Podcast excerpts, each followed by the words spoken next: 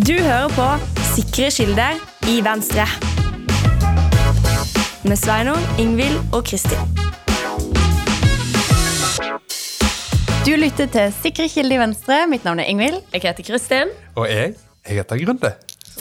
Den stemmen den er så grundig. Ja, du har skikkelig podkaststemme. Ja, Litt hås fortsatt. Akkurat kommet meg tilbake fra en halsbetennelse. Men det er så sykt kult. Jeg elsker når jeg liksom har liksom egentlig halsbetennelse og skulle ønske bare den stemmen kunne vedvare, for jeg syns det høres så sykt kult ut. Men er dette her i forbindelse med ditt sånn ønske om å bli sånn heks i Mandal? At du må ha litt sånn øh, mørk stemme for å skremme ungene? Kanskje jeg vurderer å begynne å røyke bare for å få det, liksom. jeg må, jeg må bare si at uh, etter denne uken så kan jeg melde ganske trygt og tydelig at jeg elsker ikke å ha halsbetennelse.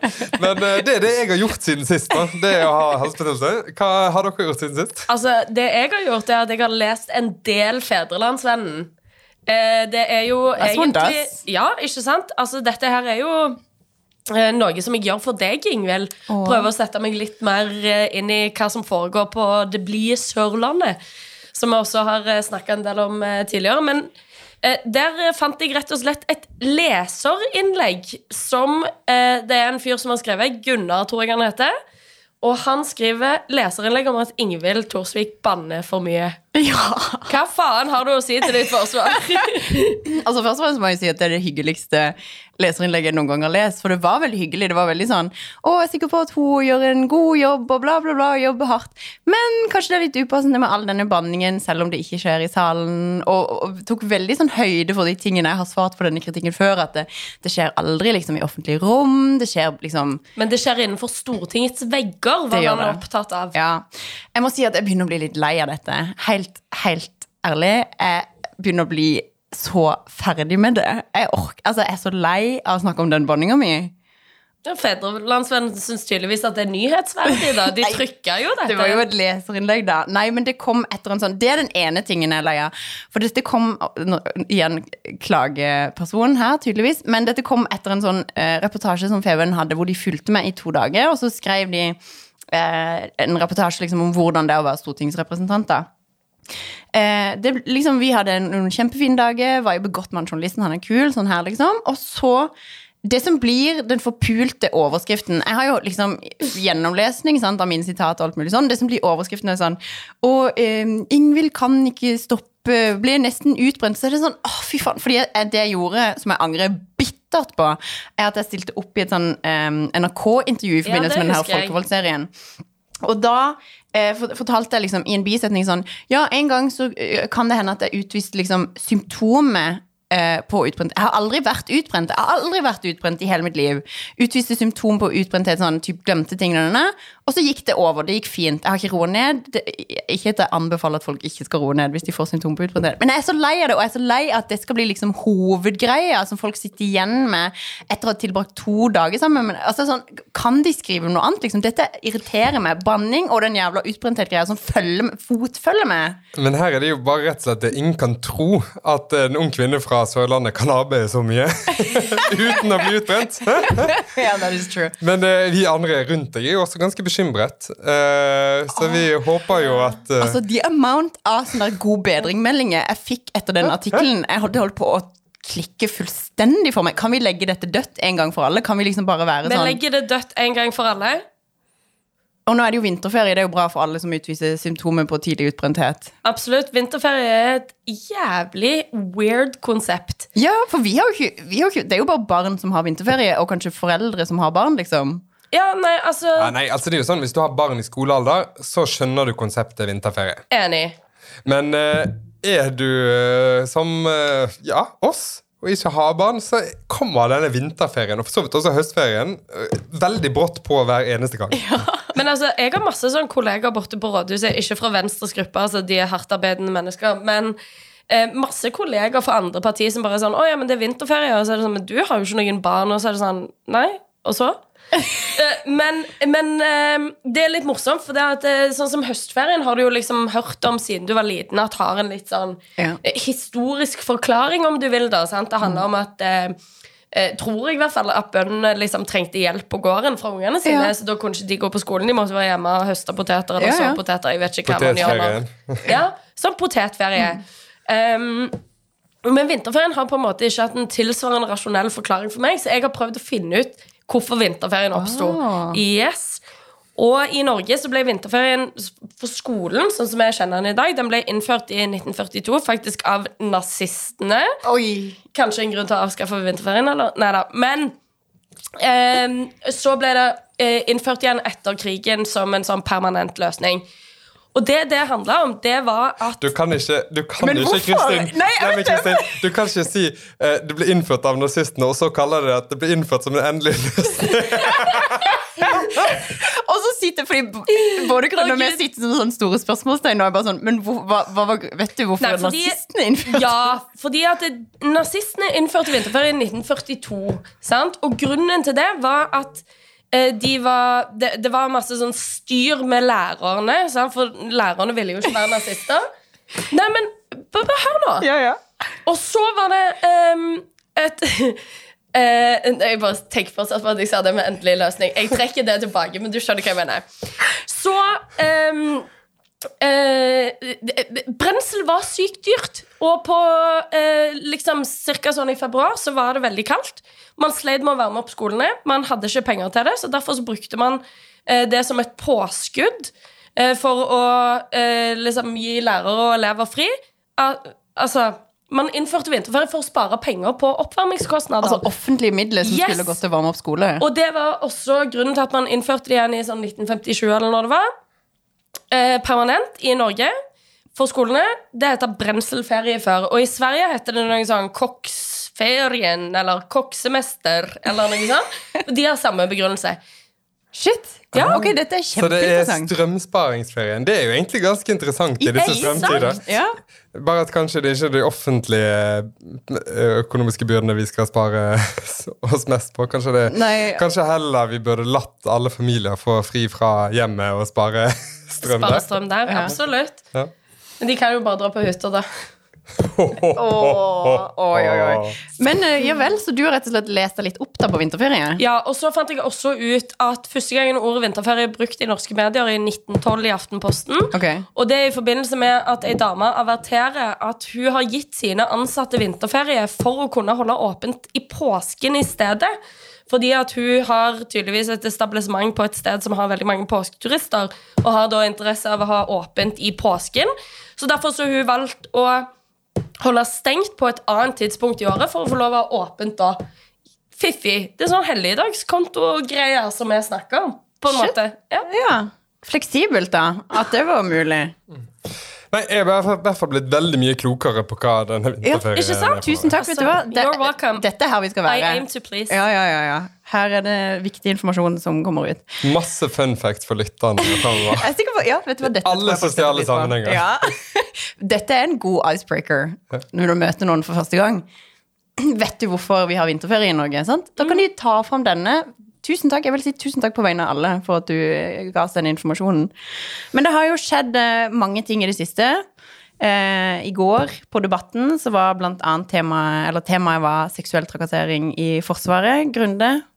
Ja, det har jo eh, Denne uken har det jo blusset opp igjen en debatt om hvordan Forsvaret håndterer seksuell trakassering. Men ikke bare trakassering, også overgrep. Fordi det er nå en rekke personer som stått eh, fram.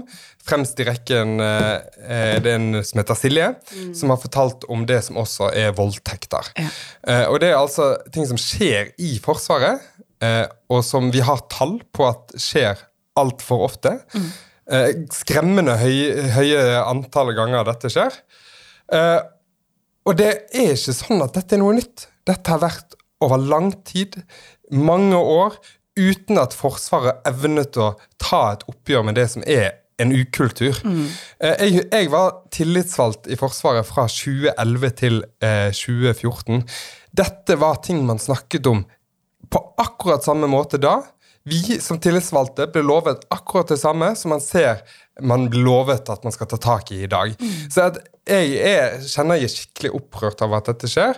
Og jeg ser at vi har et kjempestort ansvar for å faktisk innføre tiltak som virker. Innføre et varslingssystem som fungerer. Innføre et sanksjonsregime som gjør at folk som begår denne type overtramp, faktisk ikke Og lovbrudd. og lovbrudd faktisk ikke blir i neste, neste uke fortsatt stående og undervise eh, holdninger til nye innrykkede soldater. Ja, og det er jo en risiko, altså, hvis du lar disse menneskene for det første får gå videre uten sanksjoner, og for det andre lar de fortsette eh, og f.eks. da undervise akkurat som før, så er det jo en økt risiko. Altså, det er jo sånn at folk begynner å bli bekymra for å sende spesielt døtrene sine i Forsvaret. Ja, og jeg, det forstår jeg også veldig godt. Så er det sånn, eh, Forsvaret er opptatt av å si at dette er jo eh, ikke gjennomgående for alle sammen. Det er ikke alle som har disse holdningene. Men, og det er jo helt sant. Det er, ikke, altså, det er veldig mye utrolig dyktige folk i Forsvaret. Jeg hadde en veldig god tid i Forsvaret selv. Masse godt å si om det. Men dette er en problemstilling Forsvaret systematisk ikke har klart å ta tak i. Og det er det som må endres på. Og da er det litt sånn, Vi hadde en runde om dette i høst. NRK kjørte opp en rekke saker. Forsvarsministeren pekte ja, først egentlig i fjor vår pekte på å sette i gang en prosess. Det kom en oppfølging. Og man snakker om at nå skal man få på plass et eh, sentralt varslingssystem. Men det er liksom sånn Jeg husker også i 2012 at man snakket om å få på plass et sentralt varslingssystem. Sånn at Det som er det store spørsmålet nå, er om forsvarsministeren, som er den øverste ansvarlige for dette, faktisk følger dette opp, eller om vi nok en gang må ha eh, en ny runde med sånne saker om et år eller to. Ja, og det går jo ikke. Det er jo ikke holdbart. Altså, man kan jo ikke fortsette å ha det på det viset. Absolutt ikke. Eh, altså, gleden i skåret her, syns jeg, er at jeg syns at forsvarssjefen har vært sånn forbilledlig klar. Eh, han har jo eh, vært eh, ute og sagt at vi trenger ikke eh, dere i Forsvaret, dere som har drevet med dette. Det vi trenger, er eh, kvinner, sånn som Silje. Um, og det, men det som, noe av det som òg provoserte meg sånn uendelig med den saken, når hun sto og fortalte om sine opplevelser, det var jo hva slags håndtering dette hadde fått. Hun hadde jo ikke fått lov å bli med på øvelse. Hun hadde blitt utelatt fra en rekke liksom, Masse opplegg i Forsvaret fordi at målet var Eller måten de håndterte dette på, var å isolere henne fra resten av gruppa, som jo er helt krise. Ja, det er så galskap. Ja, det, det, men, og dette kommer, det kommer opp saker gang på gang der dette er måten Forsvaret håndterte på. Og det er det som jeg sier, dette, må, dette handler ikke bare om enkeltpersoner i Forsvaret. Dette er et systematisk utfordring som også er et politisk ansvar å sørge for at blir gjort noe med. Verneplikten er en plikt. Sant? Eh, hvis du blir innkalt til Forsvaret, så må du etter Grunnloven rykke inn i Forsvaret. Og Derfor er det også et så stort politisk ansvar å sørge for at det er gode systemer for å varsle. At man er god på forebygging. At man har befal som er utdanna og kompetente nok til å ta tak i dette fra starten. Og det er i dag sånn at det er altfor mye, altfor ungt, for lite utdannet befal som sitter med altfor mange soldater de har ansvaret for. Og det, det er veldig flinke unge befal som vi trenger i Forsvaret, men de må ikke sitte igjen med alt ansvaret alene. Det må være mer kompetent. For. Altså, dette, jeg kunne snakket så lenge om dette fordi Ja. det engasjerer meg sånn, men det er litt sånn det eh, jeg tror folk som lytter til denne podkasten, bør følge litt med på, da, er jo hva som skjer de neste ukene. Er dette en sak som liksom drukner litt i alt det andre nye som skjer, eller kommer det faktisk nye tiltak mm. på dette? Og jeg må jo si, litt uenig med deg, Kristin. Sant? Forsvarsministeren han har, Jeg er enig med deg at han har sagt helt til rette. Forsvarssjefen. Problem, ja, forsvarssjefen beklager, har sagt helt til rette. Jeg bare kjenner at min tillit til hele Forsvaret, inkludert forsvarssjefen, er ganske tynnslitt på dette området. Ja. Men i alle fall en klar beskjed herfra til forsvarsministeren. Dette må tas tak i. Det må Altså, det må være trygt for kvinner å kunne være i Forsvaret. Så her må de jo gjennomføre det de sier de skal gjennomføre det, og de må gjøre det nå. Men Kristin, kan ikke du Vi hadde jo en, eh, en eh, liten ABC-klinikk-spesial eh, for noen uker tilbake. Absolutt. Der hadde vi jo en eh, gjest inne. For de som ikke har hørt den episoden, så eh, ligger, han, eh, ligger han i repertoaret vårt. Eh, men eh, Venstre, og inkludert deg, Ingvild, har jo fremma et forslag i Stortinget som eh, går på å bevare ABC-klinikken og rett og slett instruere helseforetaket i at dette tilbudet skal ikke legge ned. Til det er det altfor viktig. Vi satte jo litt vår lit til at Høyre skulle bli med resten av opposisjonen på å, å forhindre den nedleggelsen. Nå har vi fått fasit. Høyre står sammen med regjeringen. De nekter å komme med denne instruksjonen til helseforetaket, og ABC-klinikken blir som konsekvens lagt ned. Så Høyre Shame on you. ah, ja. Shame on you, Shame on faktisk. you. Ja. er enig. Det var egentlig bare det. Jo, men det er jo en Ja. trist oppdatering. Bare ikke shout-out til Høyre. Det var egentlig bare det jeg skulle si. Ingen måte. Ja, En anti-shout-out til Høyre. Helt enig. Eh, takk for oppdateringa, selv om det var en god. Mm. trist oppdatering.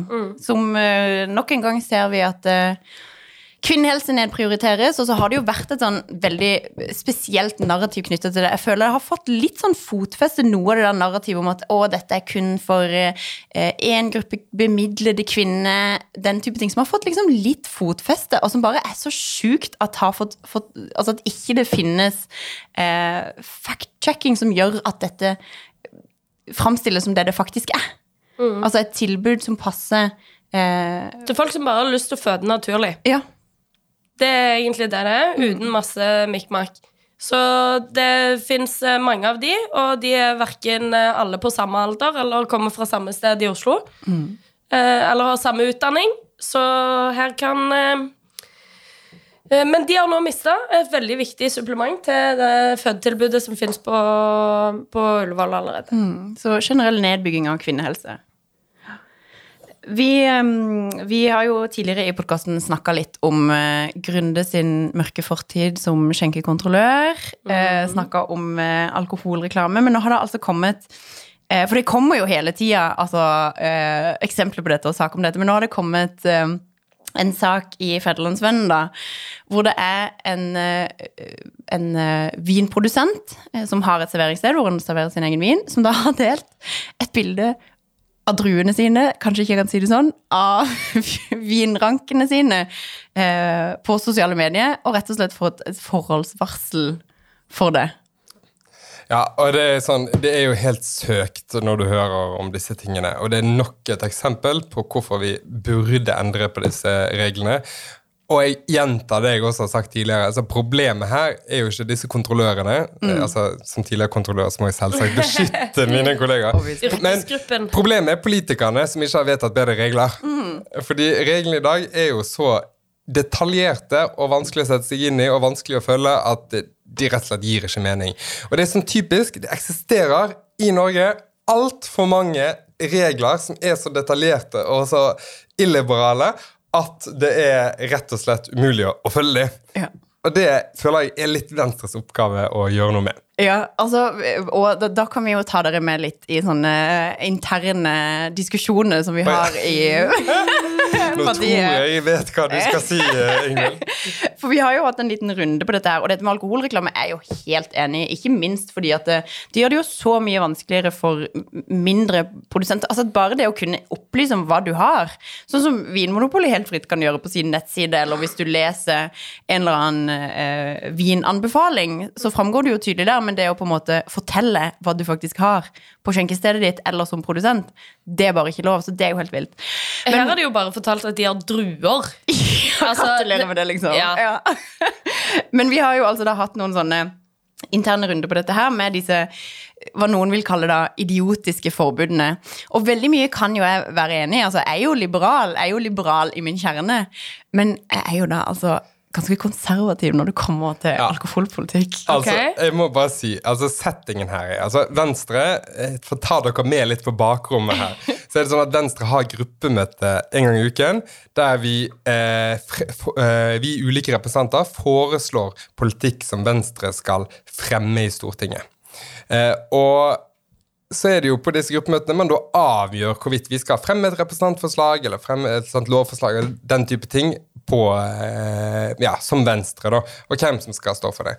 Da hadde vi jo et forslag for en stund tilbake siden med en rekke utrolig fine liberale forslag, som var tanken at eh, undertegnede, altså jeg, sammen med eh, blide Sørlands store dronning, ikke utbrente prinsesse Ingvild Thorsvik skulle fremme da for å vise det, hvor unge og liberale og kule vi er. Hvordan gikk det egentlig med den listen? Jeg har ikke sett det forslaget. Nei, du har ikke det! Og det var fordi at det stranda litt fordi jeg var ganske motvillig til en del av disse forslagene. Eh, blant annet det som går eh, på knock- knockout-forskriften, som jo er partivedtatt, som jeg innser at jeg må innrette meg etter. Hva er knockout-forskriften? Nei, dette er jo at man skal sørge for at f.eks. kampsporter som MMA Ja? skal få lov til å drive med sporten sin i Norge, og ikke må dra til England for å gå Å, ja, ja, proffkamper. det der greiene som forbyr sånn proffboksing og alt det Ja, der. Proffboksing har vi tillatt, Ja, men MMA vi. tillater vi ikke fordi det er andre rundetider. Eh, ja, det var jo det. Og så var det blant annet dette som gikk på at det skulle være tillatt med tobakk i vannpipe, eller et eller annet sånt. Eh, og så en del sånn alkoholliberalisering, da. Ja? Og Er jeg- du mot det? Jeg er imot noe alkoholliberalisering. Altså, jeg er tilhenger av eh, strenge åpningstider, avgifter, den typen ting. Ikke tilhenger av at små lokale produsenter ikke skal få lov å selge sterkvin og sterkøl, f.eks. Så det er en nyanse her, da. Men da sitter jo jeg igjen, da, som den herre illiberale sjelen. Altså, jeg ble så shama på dette møtet at det gjorde rett og slett helt vondt. Og jeg, jeg tror Var det liksom da du ble utbrent? Møtte veggen? Men det bare, og det bare hang på så lenge. Jeg bare så liksom de blikkene jeg fikk i gang, som som var bare sånn Illiberale jævel, hva faen er det, hva gjør du her, liksom? Da gikk vi Oslo-representanter rundt og tenkte ja, hun kommer fra Sørlandet. hun der, hun der. Ja, men hvorfor fremmer du det ikke bare alene? Må du være to? Du, jeg har faktisk tenkt å fremme noe på dette på et eller annet tidspunkt. Så det, at, eh, det kommer, det kommer. Ja, og jeg skal være med Men- på en del av det, altså. Ja, det er, altså Nå har jo jeg totalt mistet min tillit til Ingvild. Men der er det altså litt sånn innsikt. Så kan dere i hvert fall, dere som lytter på, skjønne det at eh, det er ikke eh, alltid vi er helt enige om ting. Men eh, vi prøver altså fortsatt å jobbe med at Ingvild blir enig med resten. Ja, og eh, herregud, det er jo sånn, altså du er jo ikke enig med alt internt i partiet heller, men når partiet har vedtatt noe, så innretter det jo, du deg jo etter det, altså som stortingsrepresentant. Så hvis, og, og akkurat dette her med, med knockout-forbudet, så er det jo sånn det var noen som bevisstgjorde meg på Ok, ja, men det er greit at folk liksom kjører i hundre og helvete ned en slalåmbakke som sporten sin, liksom, som òg er superrisikabelt. Så det er jo ikke liksom nødvendigvis sånn at um, Kanskje ikke noen skal klare å overbevise meg om at det, det er helt riktig å fjerne dette forbudet. Men altså, ikke for å bli en podkast om Sørlandet. Eh, nå har det vært mye i det siste. Men eh, disse alkoholmyndighetene De er fader meg på jobb eh, nede i Kristiansand. Fordi at ikke bare har denne fyren med disse vinrankene eh, eh, liksom fått dette forhåndsvarselet, men de har jo også fått en prikk på et skjenkested i eller en restaurant i Markens gate som heter Marcado. Der har de fått en prikk fordi de delte på Instagram et bilde av at to personer skåla. Og det tenker jeg sånn, da har det kanskje gått eh, det, det, Nå har det gått litt langt, tenker jeg. Altså, hva hvis det er brus i glasset? Ja, Nå må ikke du være helt liksom norske medier som diskuterer hva venninna til Sofie Elise holder i hånda, men det kunne jo vært brus i glasset for all del. Nei, men ehm, eh, Så Sørlandet virker ganske illiberalt. Shit, er det det inntrykket jeg har gitt til dere nå? Ok, Dette skal jeg jobbe så hardt jeg kan for å gjenopprette. Altså, jeg, vi er liberale på Sørlandet, det skal vi søren meg ha. Men vi må, vi må rett og slett eh, snakke litt om eh, eh, politikk eh, som, eh, som vi har eh, foreslått på Stortinget i det siste òg.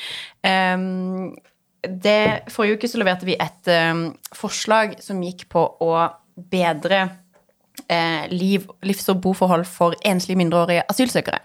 Fordi det som jeg tror kanskje ikke så mange vet, er at eh, altså når det kommer eh, enslige mindreårige asylsøkere til Norge, så er det sånn at hvis du er under 15 år, eh, så skal du til en omsorgsbolig og er under barnevernet sin omsorg.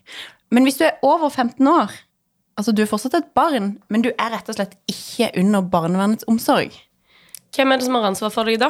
det er UDI. Så da Ja. blir du plassert på, på um, asylmottak for enslige mindreårige.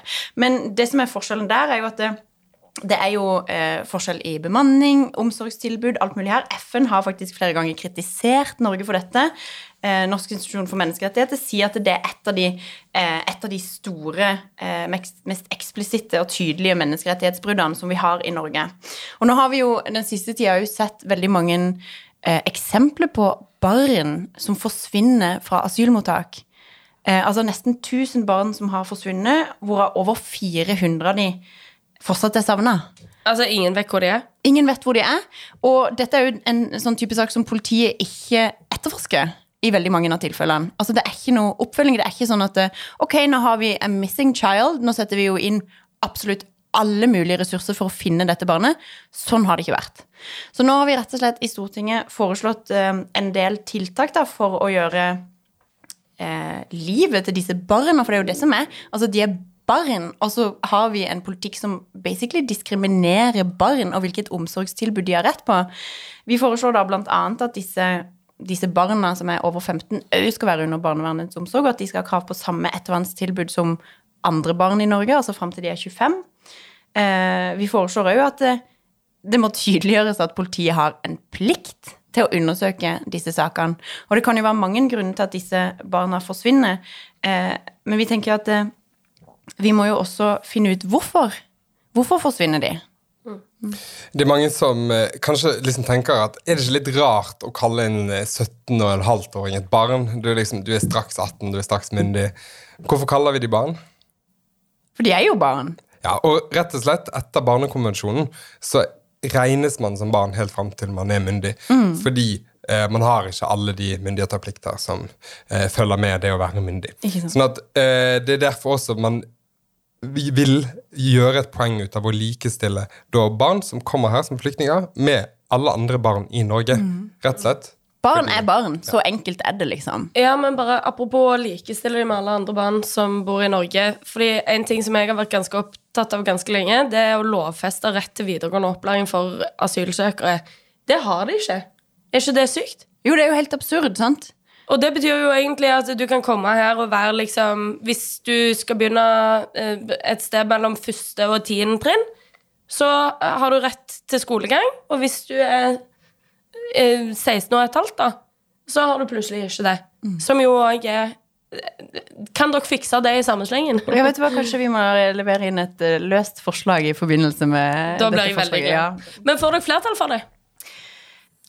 Det håper vi selvfølgelig Ja. på. Altså, det, er, det er litt sånn eh, Når du sitter i opposisjon, og du er ikke en del av en, eh, den delen av opposisjonen som regjeringen eh, trenger for å få flertall for sine saker, så er det ofte ikke at man får flertall for ting. Men vi har sett at i denne perioden så er det flere ganger vi har klart å få flertall, spesielt på både justisfeltet. Jeg har også eksempler nå i min komité her om dagen. Nå fikk vi gjennomslag for at vi skal sette i gang et arbeid med å se på klagemulighetene for barn. Eh, i, eh, og det er jo også en sånn ting som uh, vi klarte å få til, selv om vi ikke er en del av et veldig interessant uh, mindretall.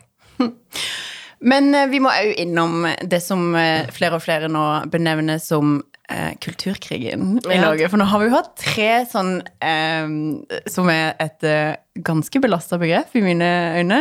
Men vi har hatt tre eksempler som har skapt en del diskusjon, da. Altså, du har jo dette Christian Krogh-maleriet, som i en bisetning benevnes at har liksom en colonizer-vibe. Eh, og at ikke det var liksom begrunnelsen for at det ble tatt ned da.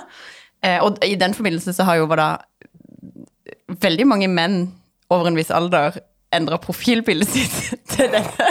Altså, sorry, men det er et rødt flagg. det orker jeg ikke. Og så har du eh, Roald Dahl sine bøker, som da har eh, blitt gått gjennom en sånn sensitivity reading, hvor de har endra en del ting. Blant annet så har benevnelsen tykk blitt til enorm, which Ja. is fucking weird. Eller stygg. Ja, Det har ikke vært skrevet. å skrive. Ja. Eh, og så um, har du altså denne eh, Donald-tegneren Don Rosa, som et forlag et eller annet sted, det er ikke helt liksom klart ennå, sagt at de skal da slutte å utgi eh, en del av de publikasjonene som han har, har lagd. Hva er det som er galt med de? Nei, det er ikke kommet helt klart fram, okay. da, men at de liksom Disney Eller dette var ikke liksom hoved-Disney-kontoret, men et av de nasjonale Disney-kontorene var sånn Ok, dette er ikke i tråd med våre verdier lenger. Forstår. Nei, og med oss har vi leder av Stortingets kulturkomité, Grunde Almeland. Thoughts? Ja, nei, Jeg har jo eh, delt mine tanker også i flere aviser om dette. Jeg har jo vært en av de som har reagert på eh, Christian Krogh-bildet. Jeg har reagert på eh, Roald Dahl. Jeg hadde sitater på det i Aftenposten. Eh, det jeg bare for da, Jeg tror det er liksom viktig å rydde i denne debatten. For jeg ser også en rekke kommentatorer har slengt seg på. Jeg så Jens i eh, BT kritiserte politikere for å mene noe om dette. Sant? Det har vært en rekke det, det har vært både en stor debatt og en metadebatt og en debatt om metadebatten. Så det, la oss prøve å rydde litt, da. Og Vi har tror- for god tid, altså. ja, det, det er et godt poeng. Men jeg tror liksom, det viktigste poenget, i hvert fall for, for meg, er jo at man skal være varsom med å liksom viske ut viktige deler av historien vår som vi kan lære noe av. Eh, det er sånn kunst som er laget i sin tid og ikke var problematisk da, kan være veldig problematisk i dag. Men det er ikke ensbetydende med at man skal endre ord og begreper, eller at man skal slutte å vise det fram. Men det er viktig at da museumet for eksempel, bruker denne anledningen til å forklare de som går på museet, hva var ment den gangen, hvorfor er det problematisk i dag, hva har man gjort, og rett og slett bruker den formidlingsoppgaven de har, til nettopp også å formidle det. Og det gjorde at, sånn som det Leif, bildet av Leif Eriksson altså, eh, Det er helt opp til Nasjonalmuseet om de har lyst til å ha det på veggen eller ikke. Jeg ser enkelte, sånn som Frp, har krev, krevd at det hang på veggen. Jeg mener, Det er helt tullete av politikere å kreve at det henger oppe. Ja. Men eh, det var en tullete begrunnelse, det som kom fram, selv om det var en sleivete kommentar. Ja. Og det mener jeg at var verdt å diskutere politisk, for å rydde den.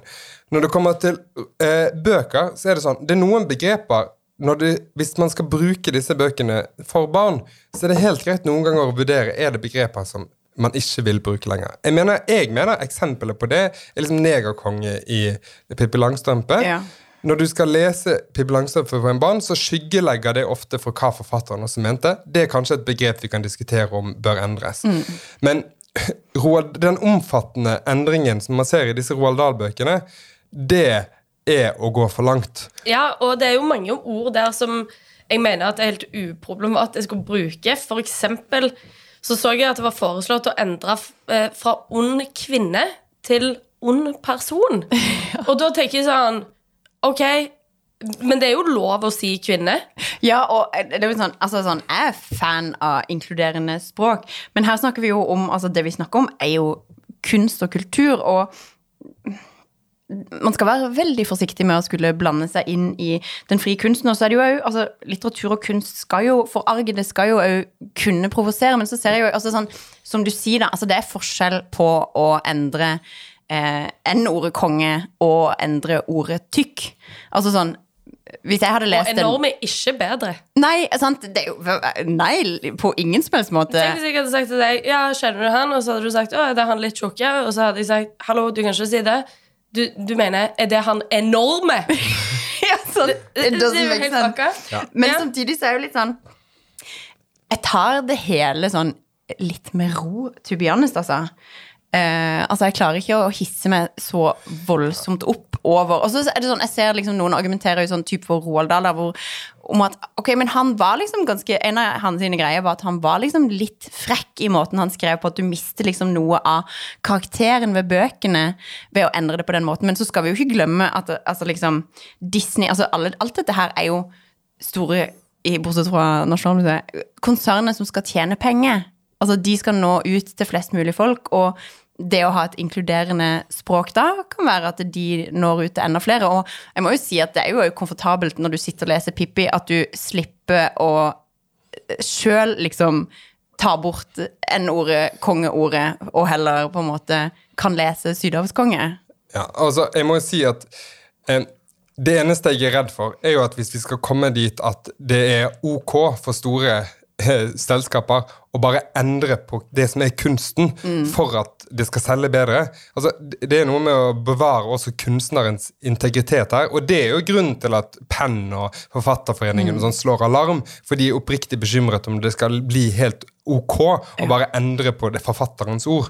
Og det, så er liksom, det er også viktig at vi liksom setter en grense et sted. da. Men jeg, hvis jeg får lov, så har jeg bare lyst til å eh, ta et eksempel fra Roald Dahl som jeg nevnte, så var stygg et av de ordene som ikke Ja. skal brukes. Og jeg synes jeg ble tilsendt her fra en leser. Dette er min oversettelse, da. Det Fra en står på engelsk leser? også. Eh, nei, fra en lytter. Beklager.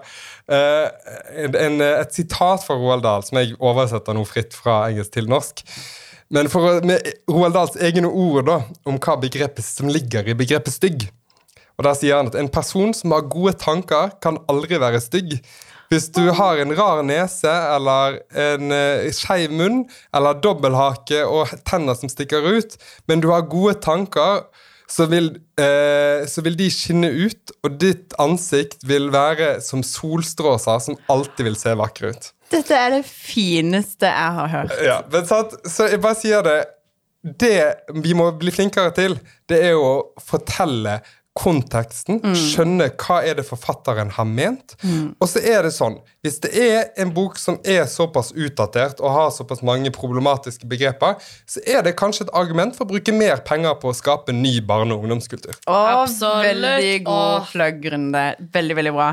Vi er rett og slett um, nesten ferdig. Vi har gått langt over tida. Eh, men før vi avslutter, så må jeg komme med en anbefaling. Nå har vi jo allerede selvfølgelig fått snakka litt om Sørlandet i denne podkasten, men hvis dere har lyst til å høre enda flere Sørlandstake, så anbefales Det liberale Sørlandet, som er Kristiansand Venstre sin podkast. Den finner du overalt hvor du finner dine podkaster, og er en veldig, veldig god eh, greie å lytte til. Altså, det er litt sykt at vi liksom skal anbefale en konkurrerende podkast. Tenk om eh, Kristiansand Venstre sin podkast nå blir større enn vår, Ingvild. Altså, det unner de så veldig. Ja. Ja, da kan vi kanskje bruke mer tid på andre landsdeler enn Sørlandet framover. Er det noe fra smal idrett før vi avslutter, Grunde? Å, jeg skal ikke bruke mye tid på det, men jeg kan bare nevne for dere helt kort at nå er det klart for VM i nordiske grener. Så allerede i dag, eh, på innspillingsdag onsdag, så kan man benke seg rundt en rekke kvalifiseringer i langrenn. Det var hoppkvalifisering for kvinner i går, blant annet. Masse spennende å se på både i kombinert langrenn og, og ski. Det skal i hvert fall jeg gjøre i de neste dagene. I hvert fall den, den, I så stor grad jeg har mulighet til det. Fordi i morgen så reiser jeg til Sør-Korea sammen med resten av familie- og kulturkomiteen. Det varsles herved altså vikar i neste ukes podkast. Jeg gleder meg til å finne den vikaren. Jeg føler jeg er vikarinnhenteransvarlig. Ja, du er Vikarbyrå. bemanningsbyrået. Be bemanningsbyrå oh. Du har hørt på Sikre kilde i Venstre. Bye! Ha det!